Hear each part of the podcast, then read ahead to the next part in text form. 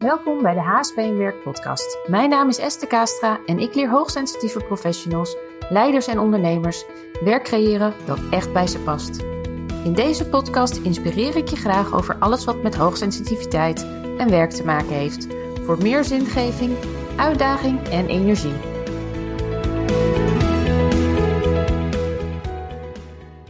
Superleuk uh, Esther dat jij bereid bent om in onze Facebook community live uh, een interview uh, te doen over hoogsensitiviteit. Dat is toch een van jouw expertises. Yes. Um, hartstikke leuk. Dat ik mij gevraagd heb. Ja, ja, ja, ja. Nou, voor degenen die mij niet kennen, ik denk de meesten mij natuurlijk wel kennen in de community, alhoewel een paar zijn toe, toegetreden. Hartstikke leuk. Uh, mijn naam is Anke van Lieshout en uh, mijn bedrijf heet Passie in uh, Professie. En ik help ambitieuze vrouwen om uit hun ratrace te stappen en met meer regie, passie en vertrouwen betere keuzes voor, voor zichzelf te maken. En deze keer inderdaad Esther Kaastra. Zij is HSP-expert. En super leuk dat je inderdaad hier aanwezig bent. Wij hebben een aantal vragen binnengekregen van mensen die wat willen weten over hoogsensitiviteit. En um, daar gaan we het natuurlijk over hebben. En we gaan het natuurlijk ook over hebben nou ja, wat jij doet, hoe, hoe het jou is vergaan met jouw hoogsensitiviteit. Hoe je daarbij bent omgegaan en ook je business inderdaad hebt opgebouwd. Ik stel voor dat we uh, daar gewoon uh, over gaan beginnen. Eventuele vragen bewaren voor het, uh, voor het eind. Dus hebben jullie vragen? Ehm, zet ze in de, in de chat. Dan kijken we daar tegen het einde naar. En kunnen we daarop gaan reageren. Nou ja, om maar te beginnen, Esther. Kun je jezelf nog even voorstellen? Wie ben je en wat doe je in het, in het kort? Yes. Nou, ik ben Esther Kastra, ik ben 37, woon samen met Maarten en onze twee kinderen, Liz en Maud, een tweeling, in Harderwijk. Ze zijn acht, op dit, ja, ze zijn acht nu, gaat hard. En ik heb het bedrijf uh, eh, HSP en Werk, dat doe ik nu zes jaar ongeveer. En daarmee help ik hoogsensitieve professionals en ondernemers hun beste baan of business bouwen, zodat ze ja, meer energie en uitdaging ervaren in het leven. Ja, mooi. Ja.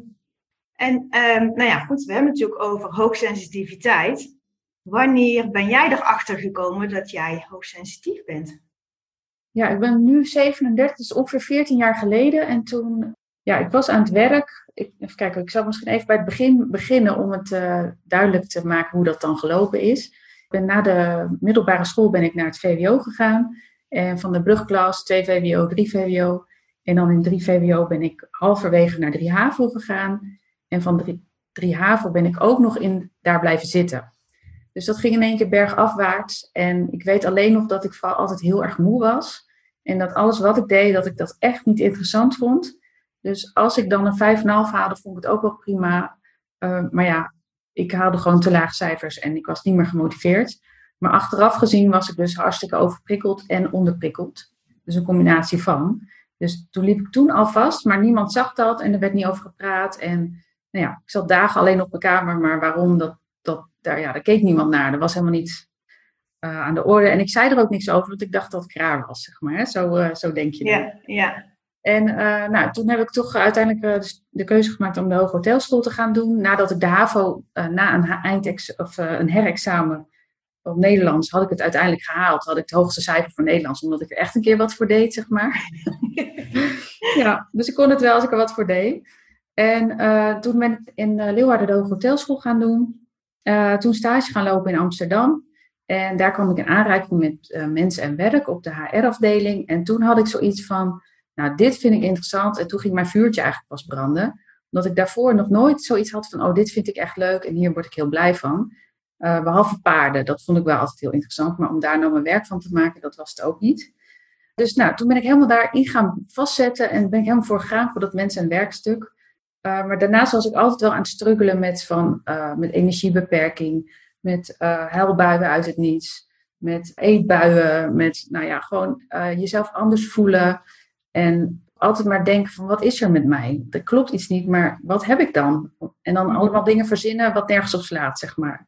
En dan daar ook nog in geloven. Nou, zo ging ik maar door uh, aanmodderen. En op een gegeven moment, toen was ik ook nog een opleiding personeel en arbeid gaan doen. Want ik merkte dat vind ik interessant, dus daar ging ik mee aan de slag. Uh, dus en die opleiding en de, uh, een baan inmiddels bij het bedrijf waar ik stage liep. En op een gegeven moment ben ik heel vervelend weggegaan bij waar ik stage liep. Volg je me nog? Soms ga ik van de hak op de tak. nee, volg je nog? Je volgt me nog, oké. In ieder geval, ik liep uh, stage, of, dus ik werkte bij dat hotel op de HR-afdeling. En daar wilde ik weg, want ik wilde meer zien van de wereld en me verder ontwikkelen.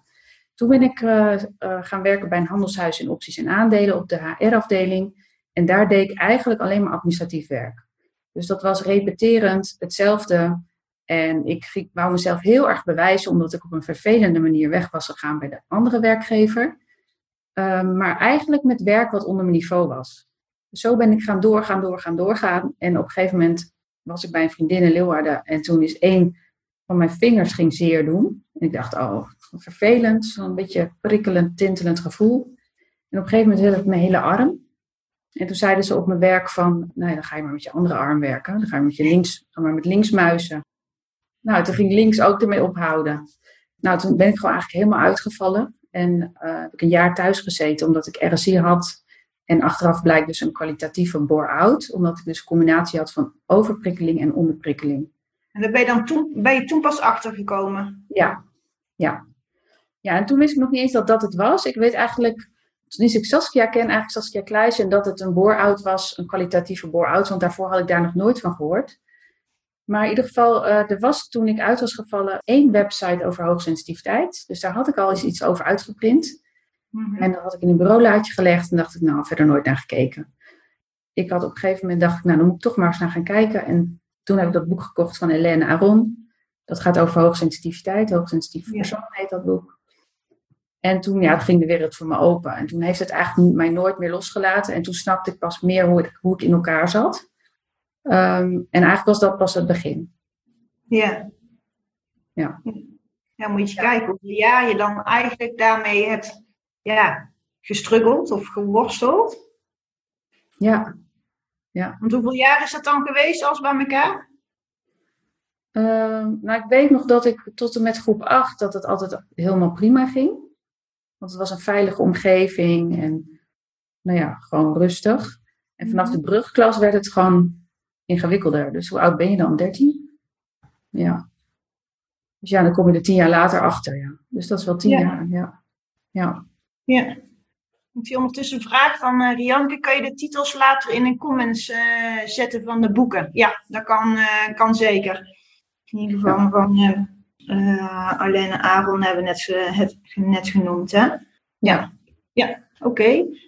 Je zei van eh, kwalitatieve bore-out, hè? Kun je daar nog iets meer over vertellen? Want wat is dat dan precies? Eh, of Ja, wat is misschien wel de connectie met hè, je hoogsensitiviteit? ja, wat je eigenlijk wil is dat je in de flow, in je roeping aan het werk bent, zeg maar, in de flow. Maar je kan natuurlijk de ene kant op schiet, uitschieten van dat je overspannen raakt en burn-out. Dus dan ben je eigenlijk meer overprikkeld. Maar je kan ook de andere kant opschieten, dat je je gaat vervelen en dat je onderprikkeld raakt en in een bore-out terechtkomt. Dus dat is de ene of de andere kant op. Maar het kan ook Ja. gebeuren dat je in een korte tijd heel veel werk moet doen. Dus dan raak je overprikkeld. En je bent misschien ook nog in een kantooromgeving die heel heftig is. En je hebt collega's die zwaar op de hand liggen, die veel energie kosten. Ehm, en daarnaast moet je bijvoorbeeld eh, alleen maar contracten typen. Of je moet alleen maar standaard mailtjes beantwoorden. Of je doet gewoon in ieder geval voor jouw level werk onder je niveau. Dus iedereen Ja. heeft natuurlijk een ander level. Maar als dat te saai is, dan eh, maak je te weinig dopamine aan. En je default mode network in je hersenen, eh, dat gaat overactief worden. Eh, en dat maakt dat je meer gaat piekeren, meer nadenken, meer ehm, ja, jezelf gaat beschuldigen van dat je niet goed bent. Dus je gaat negatiever worden. En dat zorgt weer voor bepaalde emoties. En dat zorgt weer voor dat je stresssysteem wordt geactiveerd. Zo heb je van twee kanten dat je eigenlijk leegloopt. En dat Ja. dan een kwalitatieve bore-out. Ja. Als, als je ook helemaal uitvalt dan, hè? Ja. Ja. En je bent erachter gekomen door, het boek, door, dat, door dat boek te lezen. ja, door dat boek te lezen. En daarna ben ik gewoon echt Ehm, ik weet niet eens meer wat er daarna allemaal voor boeken waren, maar ik ben er alles over gaan lezen. En er is natuurlijk steeds meer bekend. Dus ik leer ook nog steeds elke dag bij wijze van. Ja. ja. maar het is wel mooi dat alles wat ik geleerd heb, dat ik daar anderen die er nu pas, die er nu tegenaan lopen, die kunnen dat sneller leren.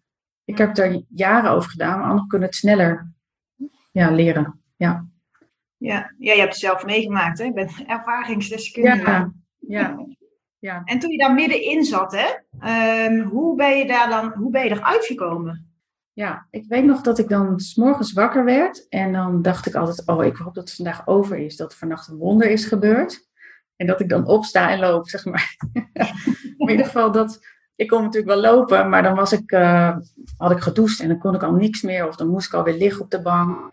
Ik lag echt met de armen op mijn kussens, weet je wel, echt zo helemaal zo, zo helemaal, uh, ja, dat, dat ik niks meer kon. En ik hoopte echt dat het dan elke keer over was. Maar dat hielp dus niet. En op een gegeven moment weet ik nog, ik kan het zo weer voor me halen, dat ik op mijn bed ga zitten op de rand. En dat ik denk van, oké, dit is het gewoon. Je moet het gewoon accepteren. Mm En iedereen zegt altijd, je moet het accepteren. Maar ehm, dan denk ik, ja, ach, wat nou accepteren? Dus ik heb geen knop om te accepteren. Maar op een gegeven moment kon ik in mezelf meer voelen. En toen ben ik, heb ik gedacht, oké, het is zo. En nu ga ik vanuit gevoel leven. En dat is net, ja, het is een heel bijzonder moment geweest. Hij weet hem nog goed. En vanuit toen kon ik echt voelen, meer voelen en luisteren naar mijn gevoel. En daarnaast ben ik haptonomie gaan doen. Dus daarin leer je ook meer je gevoel, naar je gevoel luisteren en daarop vertrouwen. Ja, zo ben ik daar stapje voor stapje weer uitgekomen. Ja. ja. Ja. En heb je daar ook hulp bij, uh, hulp bij gehad of heb je het echt zelf gedaan? Ja, ik heb het echt zelf gedaan. Die haptonomie heeft me wel geholpen. Uh, ik heb ook nog acupunctuur gedaan. Maar heel veel mensen begrepen mij ook niet. Oh, bijvoorbeeld, ik ben ook wel een psycholoog geweest. Ik heb zelf wel, zelfs wel eens bij een psychiater ben ik wel eens geweest. En die zei, er is niks mis met jou. Nou, er is ook niks mis met mij, maar ik zit gewoon anders, ik ben anders bedraad, hè? Dus neurodivers. Ja. Ja, als anderen dat niet begrijpen, dan kan je nog zo psycholoog of psychiater zijn als je maar wil. Maar dat helpt dan niet. Dus eigenlijk heb ik het zelf wel uh, uitgevonden. En altijd gekeken wat helpt mij. Per persoon is het natuurlijk ook wel verschillend.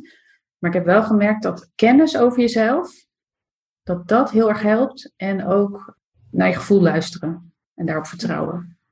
En acties in de praktijk doen om te kijken wat wel en niet werkt.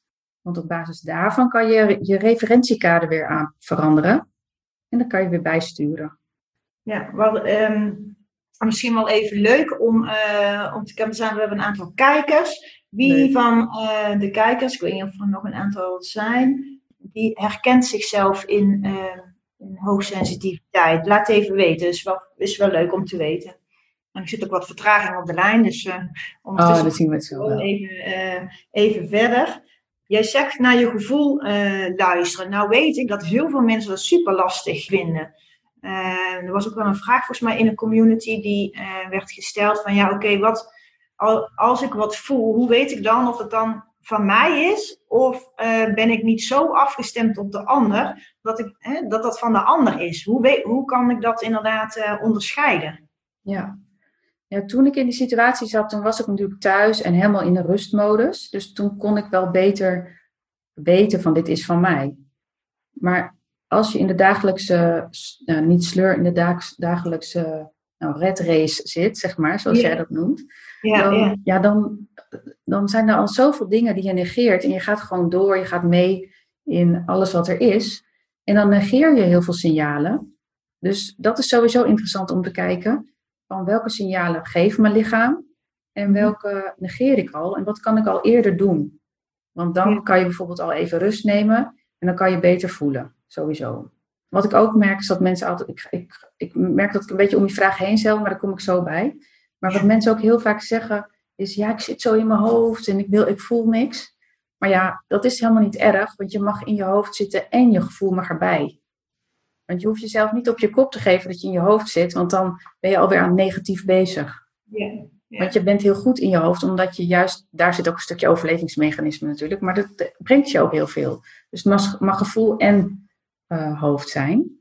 Um, en hoe weet je nou of het van jezelf is of van de ander? ja, dat kan je, dat is leren oefenen, oefenen, oefenen.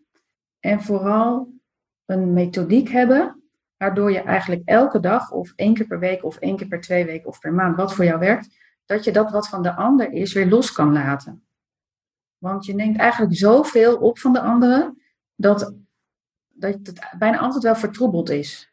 Dus het is heel lastig om op het moment zelf te zeggen, wat is van mij, wat is van de ander.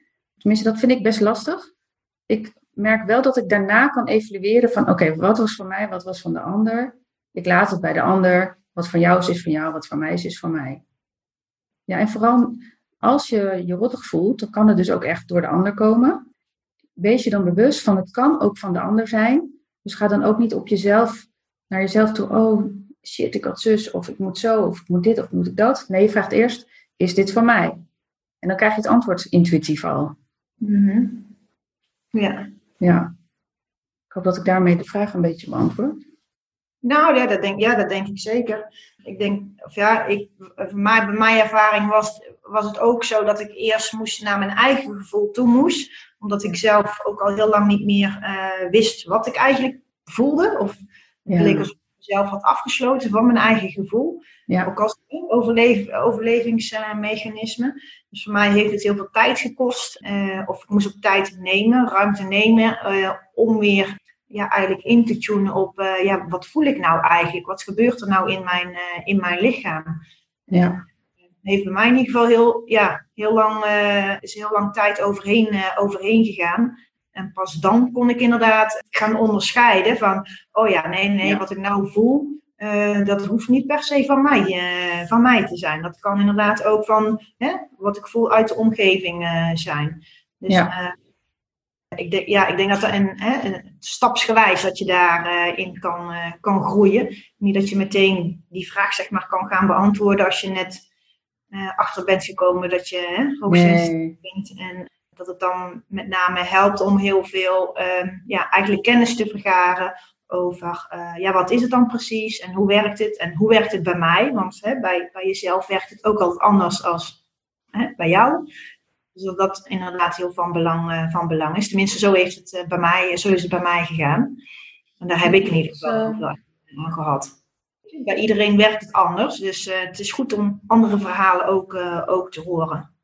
Ja, en dat ja. zeg ik ook altijd. Want iedereen zit ook in een andere fase. Qua leeftijd sowieso. Maar ook qua overprikkeling, onderprikkeling, overspanning, onder burn-out. Weet je, misschien ben je net in de burn-out of zit je er helemaal niet in. Dan is het ook alweer anders. Maar ook wat voor type HSP ben je?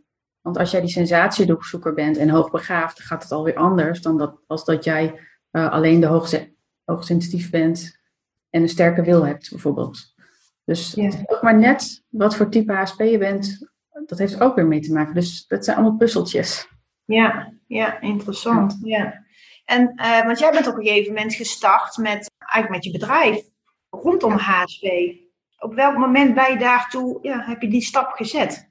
Nou, dat was eigenlijk tien jaar nadat ik erachter kwam, zeg maar, dat ik hoogsensitief ben en die burn-out, uh, kwalitatieve bore-out had. Dat is tien jaar later gebeurd. Dus ik heb, kwam daar dus achter. Toen ben ik weer gaan reintegreren. Dus ongeveer een jaar ben ik thuis geweest. Toen werd ik hoofd housekeeping in een hotel, omdat ik dacht, ik mag niet meer met mijn handen werken. Of tenminste achter de computer werken. En de bedrijfsarts zei van, ja, je kan nooit meer achter de computer toen dacht ik, nou, wat kan ik nou doen terwijl ik wel kan werken, maar dat ik niet achter de computer hoef en dat ik nog wel iets met mensen doe en mensen en werk. Ik dacht, nou ja, ik heb de hoge hotelschool gedaan, dus ik ga een, hoofd, of een eh, groep dames aansturen die de kamers schoonmaakt. Nou, dat was uh, heel mooi, want daar had ik ook heel eerlijk gezegd, jongens, ik ben uitgevallen, ik uh, kan mijn armen niet veel mee.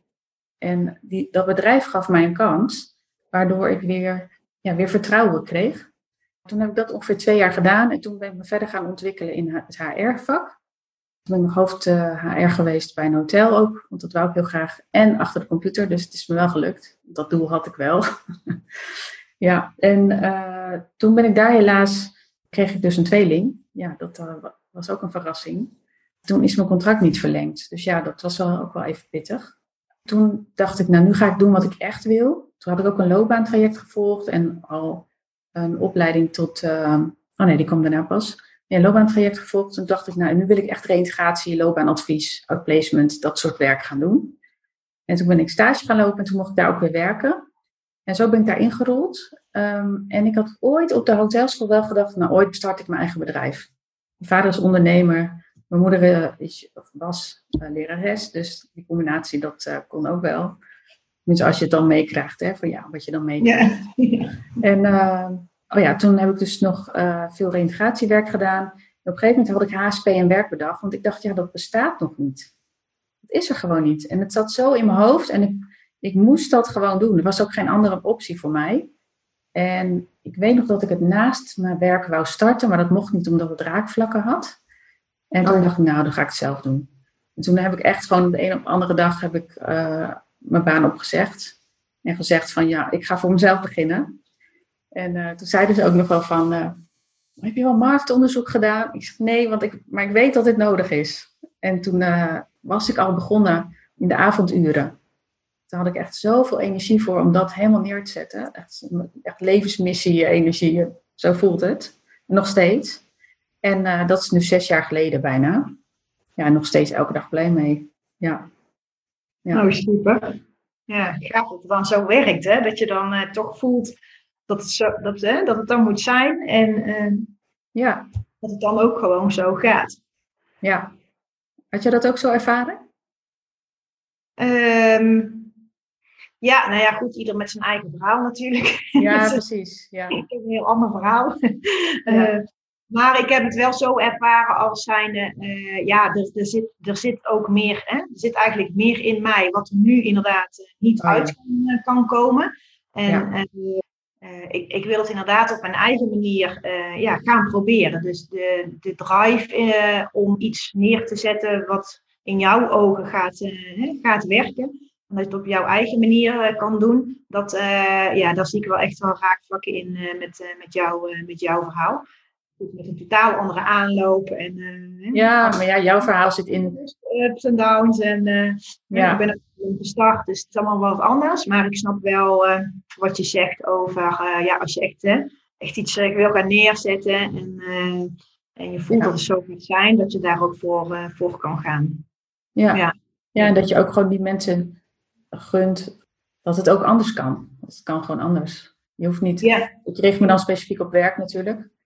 En uh, het is voor alle HSP mogelijk om leuk werk te hebben.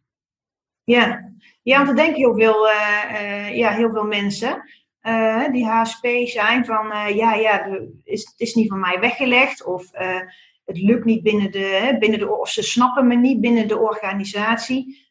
hoe krijg ik ze overtuigd? Ehm, dat die, dan ook, die inderdaad daarmee zitten te vechten. eigenlijk, eigenlijk vechten ze zich, zich tegen zichzelf. Ja.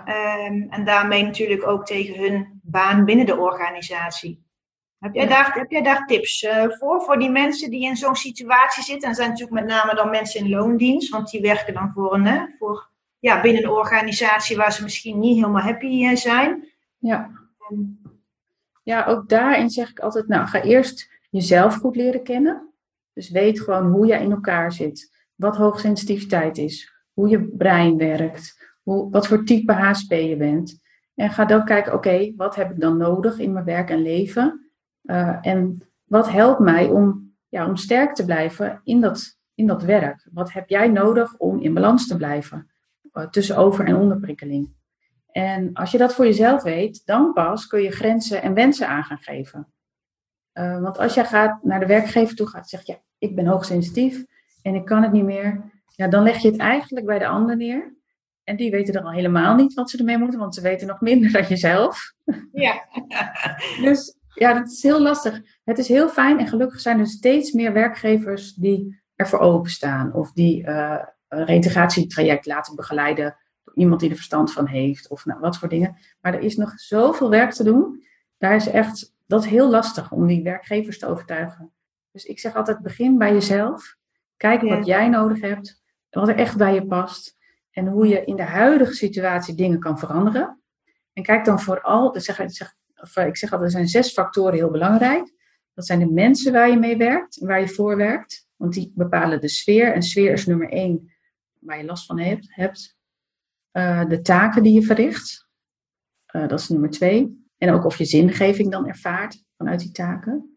De derde is de omgeving waar je in bevindt, de context eigenlijk. Maar dat heeft ook te maken met reistijd en of je thuis mag werken, dat soort, soort dingen.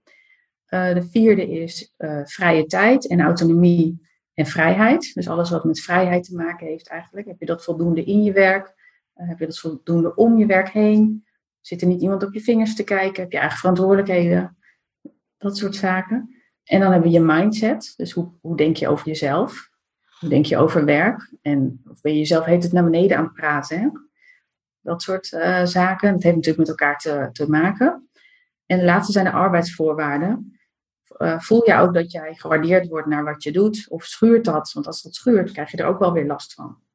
Dus ja, die factoren zijn heel belangrijk. En de een weegt zwaarder dan de ander. Uh, als je bijvoorbeeld de sfeer is, helemaal heel vervelend, maar de rest klopt, dan kan dat het al verpesten. Dus zo kan je ook kijken van oké, waar zit het er nou in? En wat kan ik veranderen? Waar heb ik invloed op? En waar heb ik geen invloed op? En moet ik hier dan blijven? Of kan ik in gesprek gaan? Of moet ik dan toch uitzoeken wat er echt bij me past? Ja. En dan weet je in ieder geval wat je nodig hebt in die volgende stap. Ja, ja. Ja, dus je kan echt heel veel zelf doen. Heel veel zelf doen. Zelf onderzoek en uh, weten hoe, uh, hoe, het, hoe het bij jou zit. Hè? Daar, uh, daar heb je echt mm -hmm. ja, eigenlijk, wat werk voor, voor te doen voor te komen, uh, voordat je zeg maar bij de werkgever kan aankloppen van, goh, ik heb wat onderzoek gedaan en dit, dit, dit, zou mij misschien beter passen of dit past niet bij mij en hoe kunnen we inderdaad daar samen een vervolg aan geven. Ja, ja. ja. ja. Oké, okay, mooi. Wat heeft jouw hoogsensitiviteit jou gebracht? Ja, leuk dat je dat vraagt. Uh, wat heeft mij het gebracht? Nou, sowieso dat ik nu doe wat ik doe. Als ik die hoogsensitiviteit niet had, dan, ja, dan zou ik niet weten hoe ik het anders had gedaan. Dat hoef, wil ik ook niet, want ik vind het superleuk wat ik doe. En het brengt me eigenlijk nog steeds elke dag wel iets. Omdat ik het, doordat ik niet overprikkeld ben, mm-hmm. daar probeer ik voor te zorgen. Ik probeer er ook voor te zorgen dat ik niet onderprikkeld ben. Dus ik probeer de balans te behouden. Natuurlijk gaat het wel eens mis. Dus taak te trillen of... Uh, ik ga me overal voor opgeven omdat ik zogenaamd onderprikkeld ben. Oh ja. Wel. Alle challenges en uh, opleidingen en zo. ja. En dan denk ik, oh, wat ben ik aan het doen? Oh ja, wat brengt het mij? Ja, sowieso in mijn gesprekken dat ik uh, merk dat mijn intuïtie heel sterk is. En dat combineer ik met hoogsensitiviteit. En de hoogsensitiviteit heeft natuurlijk, brengt, is een temperament, dus dat is wat je van nature bent, maar dat brengt allerlei kwaliteiten met zich mee. Dus dat je tussen de regels door kan lezen. Um, dat je hoort wat er niet gezegd wordt en dat bespreekbaar kan maken. Dat je voelt hoe de ander zich voelt. Um, nou, allemaal dat soort dingen. Die kan ik heel goed inzetten in coachgesprekken of nou, in een training die ik geef. Ja, dat brengt het me eigenlijk elke dag.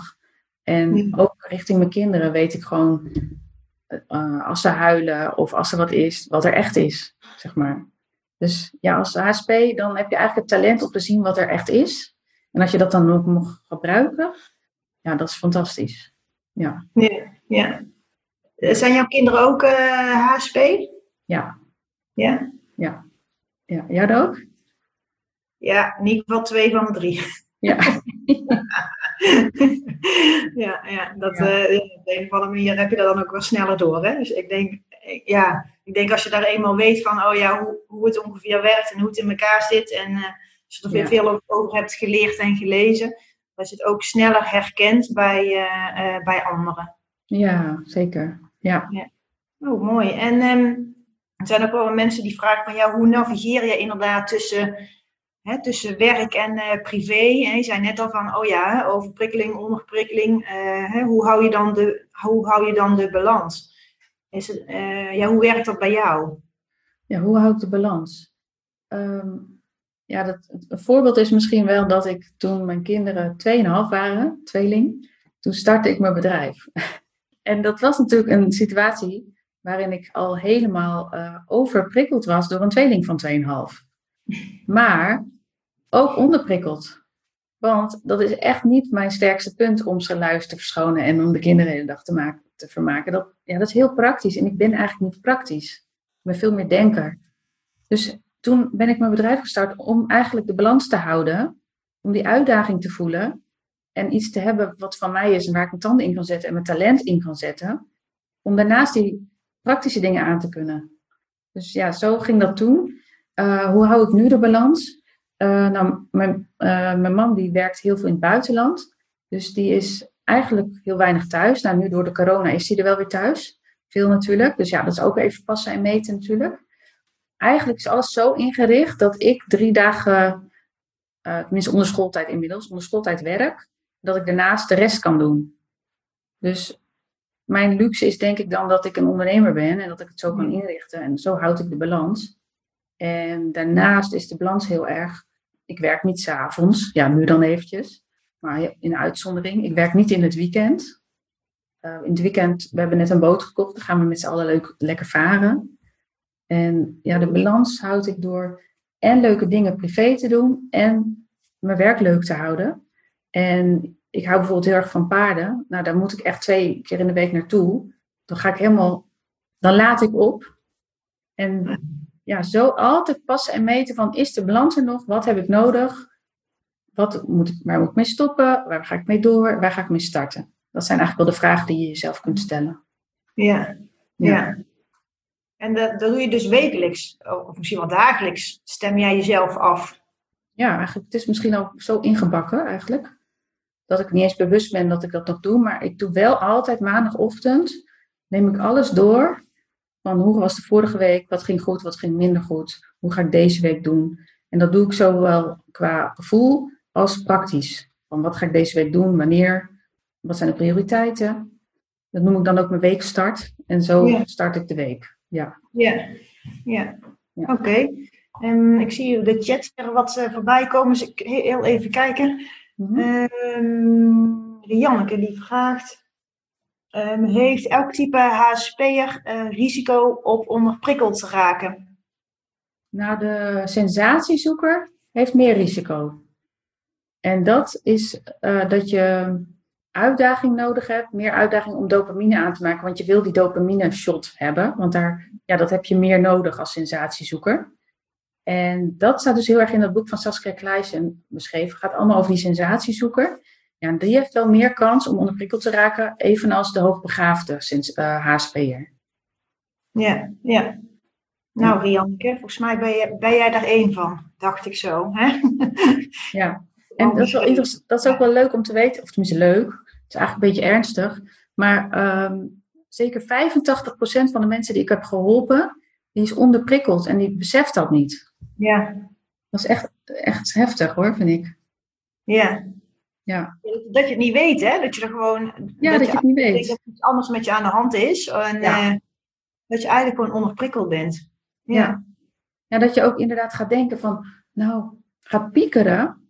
Dat inderdaad, dat er dus iets mis is met je. Maar dat is dus die oorzaak van die verveling. Ja. Ja. Grappig. Nou ja, grappig. Ja. het is niet zo grappig. Nee. maar het is wel bijzonder. Dat je, het is wel zo'n, hoe zeg je dat? Een, uh, zo'n, het is bijna gewoon een, het is geen kwartje dat valt. Nee, het is gewoon echt een uh, eh, 2 euro die valt. ja, een zak met munten. Ja, echt. ja, ja, ja, ja, als je het eenmaal weet of het door hebt, dat je denkt, oh ja. ja. Uh, als je het ook eenmaal beseft, dan ehm, zie, komt die reactie ook steeds sneller. Hè? Ja. Op het moment dat je daar, daar weer in misschien wat dreigt te raken, hè? dat je denkt, oh ja, het is weer, eh, het is weer zover. Ja. ja. Dus je kan er steeds sneller naar handelen. Ja. ja. Of misschien wel ook wel voorkomen als je, hè? als je dat dan, uh, als je het weet. Ja. Ja. ja. ja. Uh, doe je ook iets specifieks met paarden? Ja, is wel grappig. Dat doen we allebei. Ja, hè? Ja, we lijken wel een beetje op elkaar. Ja, ja we zetten allebei uh, paarden in, inderdaad. Pa paardencoaching. Ja. ja ja, en ook weer de eh, puurheid van zo'n paard, hè? Ja. Ja, ja heel En ook het systemische wat je erbij doet, inderdaad. Dus die onderlaag, uh, dat, dat doe je ook, hè? Systemische opstellingen. Systemisch ja, werk. Dat je de onderlaag Ja, met paarden. Ja. ja. Ja, en dat voor die HSP zo fijn. Want dat wat je altijd voelt, wordt zichtbaar. En dan denk je, oh, ik heb toch gelijk.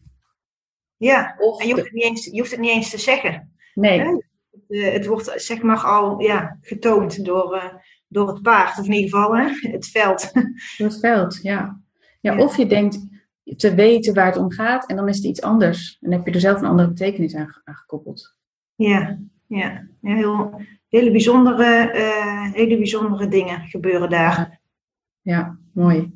Ja, ja. Oké, even terug naar, uh, naar, de naar het hoogsensitieve. Uh, En als je kijkt naar hè, dat je je eigen bedrijf bent begonnen. Als je dan zo kijkt naar de afgelopen zes jaar of misschien wel daarvoor. Waar ben je dan het meeste trots op? Mm, leuke vraag, die had ik nog niet aan zien komen, zeg maar. Dus ik ga nu spontaan denken.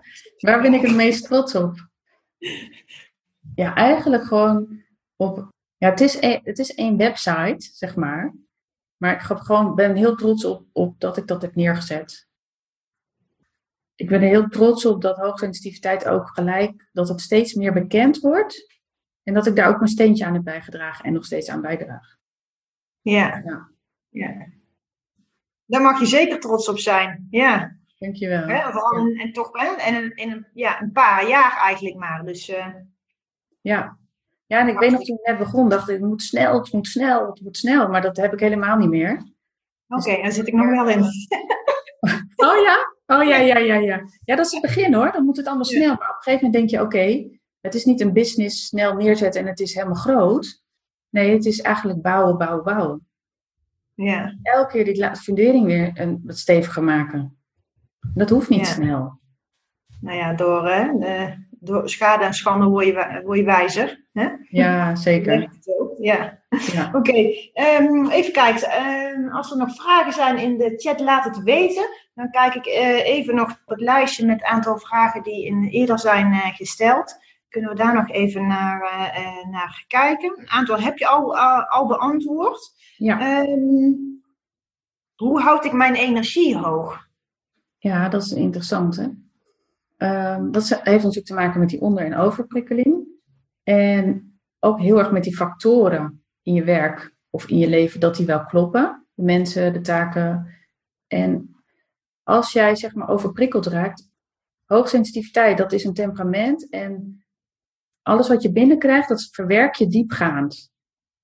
Prikkels komen van wat je ziet, wat je ruikt, proeft, voelt, door je zintuigen. Maar prikkels komen ook van binnen. Dus vanuit buikpijn of hoofdpijn of dat je verliefd bent of dat soort gevoelens. Dat zijn ook prikkels. Maar ook dat als je bij mensen bent, uh, dan gaan jouw spiegelneuronen werken. En die spiegelen eigenlijk dat wat die ander ervaart. En bij hoogsensitieve personen is dat hersengedeelte die te maken heeft met uh, jouw spiegelneuronen ook weer actiever. Dus dat zorgt ook weer voor prikkels. Dus hoe meer prikkels jij binnenkrijgt, uh, bij iemand die niet hoogsensitief is, gaat er een deel weer verdwijnt. Maar bij ons moet alles verwerkt worden van het ene hersenstation naar het andere hersenstation. En als dat te veel is, ja, dan stroom je over. En dan ben je hartstikke moe, want dat kan je niet verwerken. Um, dus allereerst is het belangrijk dat je die, die hoeveelheid prikkels, dat die zo min mogelijk, dat er zo min mogelijk prikkels bij jou binnenkomen. Dat moet je managen. Ja, en dan kan je energie hoog houden. Ja. En dat is het lastigste. Nou, precies, ja. Ja, zeker inderdaad als je vast zit. Ik kan me voorstellen als je inderdaad hè, eh, zelfstandige bent of uh, ondernemer bent, dan heb je daar nog wat meer uh, zeggenschap, uh, zeggenschap in. Maar als je inderdaad binnen een organisatie zit en bijvoorbeeld in een kantoortuin, en, dan, dat het dan wel heel erg lastig, lastig is om dan minder prikkels binnen te krijgen of hè, je af te schermen voor prikkels. Ja. Kan dat überhaupt afschermen voor prikkels? Nou, ik geloof niet dat je je kan afschermen voor prikkels. Daar geloof ik niet in. Ik geloof er wel in dat als jij weet wie je bent, als je zelfverzekerder bent en uh, zelfbewuster en ook waar jij aan werkt, hè, dat, dat, nou ja, dat je sterker staat, dat je jezelf accepteert zoals je bent ook, dan leef je in je hele huis eigenlijk. Maar wij leven natuurlijk vaak op zolder. En dan, nou, als je je lichaam als huis ziet, jij woont op zolder en iedereen gaat je huis maar in en uit. En al je energie gaat ook je huis uit. Dus wat is nou nodig? Ga in dat hele huis wonen, ook beneden, en zet er nog even een hekje om, een tuin omheen met een hekje. En uh, straal dan uit wat van jou is en laat niks meer winnen. Ja. Dus alleen degene die jij binnen wil laten, daar zet je het hekje voor open. En ook als jij uh, weet waar je goed in bent en dat uitstraalt, dan heb je ook een soort uitstraling van, nou, hier ben ik goed en ik sta ervoor. Dan komt ook minder binnen. Ja. Dus ja, het begint echt al heel veel bij jezelf daarin. Ja, ja. Nou, Ja. mooi. Ja. Ja. Ehm, even kijken, volgens mij zie ik geen vragen meer in, eh, eh, in de chat. Oké, nou prima. Hebben we nog meer als vragen? We hebben nog, nog, nog een paar vragen. Dan zijn we denk ik ook door de vragen heen. Eh, wat als je worstelt met je hoogsensitiviteit op je werk? Ja, je hebt het net al wat, wel wat eh, eh, genoemd. Dat je inderdaad toch eerst hè, bij jezelf te raden moet gaan. En jezelf daarin beter leert kennen. Kennis vergaren. En ook een beetje uittesten. Oh ja, hoe zit het dan bij mij? Zelfonderzoek. En dan pas inderdaad kijken of je wat in je functie of in je werk, werkomgeving, daar wat aanpassingen kan, eh, kan doen. Ja, en ook wat ook helpt is dat je bijvoorbeeld iemand hebt die je wel in vertrouwen kunt nemen. Of die ook hoogsensitief is, dat je het over kunt hebben. Dat helpt sowieso ook. En ik heb ook wel eens gehad dat iemand eh, op mijn website kan je een HSP-beleid downloaden voor organisaties. En eh, iemand heeft toen gezegd, nou jongens, ik wil wel eh, reïntegreren, maar dan moeten jullie eerst dit lezen. Want Oh, ik heb een gebruiksaanwijzing, weet je wel zo. Oké, oh leuk. zo, en toen werd ik ook opgebeld van, nou wil je ons helpen? Want wij weten niet hoe we dat praktisch inrichten. Maar zij heeft dus gewoon dat zo op het bureau gelegd van, nou, ik, als jullie mij kunnen helpen, dan eh, moet je dit even lezen. Ja, ja, ja. dat kan. Maar dat, ja, het is maar net of je dat wilt. Maar sowieso helpt het om er met anderen te over te praten. Ja, Ja. ja. ja, want som- soms eh, eh, merk je wel dat er nog eens een, een, een taboe of zo op zit, hè? Om het Ja. ja. ja, kenbaar te maken of net of er dan iets mis met jou zou zijn. Ja, alsof het zwak is of dat het zweverig is. Ja, en daardoor, dat is het ook, hè, want die diepgaande verwerking, dat is ook zo'n mooi talent.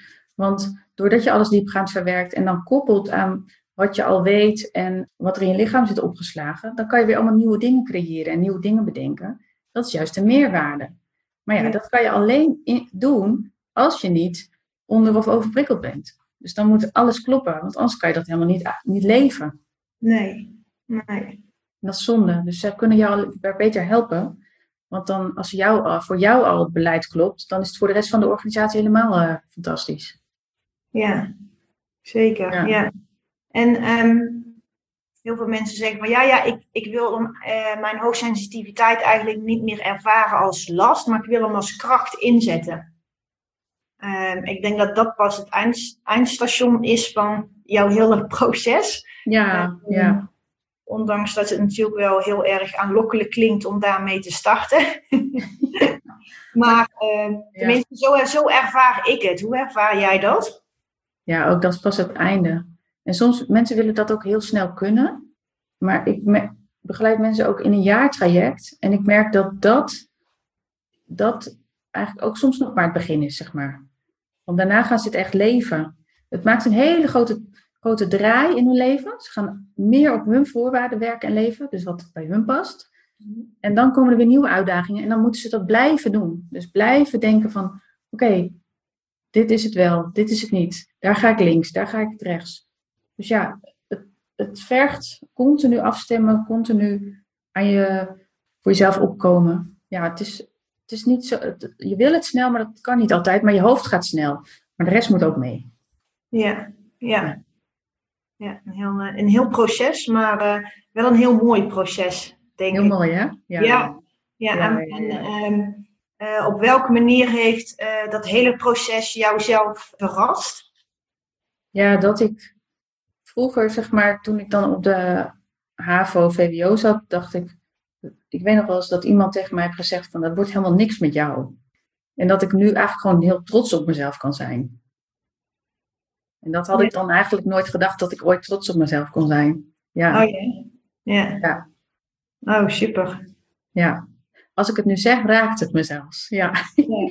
merk ik. Ja, Nou, mooi dat je daar hè, toch een, ja, een heel proces voor hebt moeten afleggen, ja, maar dat je, dat je dat dan wel hebt bereikt.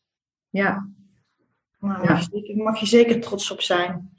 Ehm, nou, volgens mij zijn, we- zijn we door de vragen heen, ehm, Esther. Ik zie niks meer ja leuk. in de- in de chat, dus ehm, En ze kunnen altijd nog vragen onderstellen, toch? precies. Ja, hij blijft ook nog even staan, eh, de video eh, of de opname in, eh, in de groep. Dus ze kunnen inderdaad ook nog terugkijken. Mochten ze inderdaad nog vragen hebben, kunnen ze daar ook nog vragen, vragen over stellen. En ehm, volgens mij hebben ze, kunnen ze via jouw website ook nog wat downloaden. Klopt dat, Esther? Ja, er staat, als je naar www.hspnwerk.nl slash werkboek gaat, dan vind je daar vier werkboeken en dan kan je helemaal je lol op, zeg maar. Er zitten ook praktische opdrachten bij. En als je nog niet weet of je hoogsensitief bent, dan staat er toevallig net vandaag een blog op van ben ik hoogsensitief? Vraagteken. En er zit er ook een uh, eh, HSP-test bij.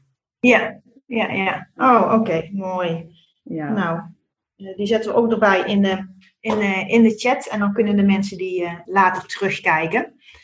Nou, dan gaan we deze, uh, in dit interview afsluiten, Esther. Ik wil jou hartstikke bedanken voor jouw uh, tijd en inspiratie en ook jouw tips en jouw hele verhaal achter, achter jouw opzet van te komen tot, jou, tot jouw bedrijf.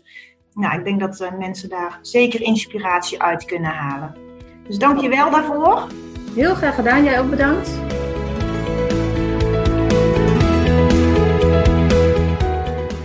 Dankjewel voor het luisteren naar de HSP en Werk podcast. Wil je direct praktisch aan de slag met jouw HSP en Werk? Download dan een van de werkboeken op www.hspnwerk.nl/werkboek.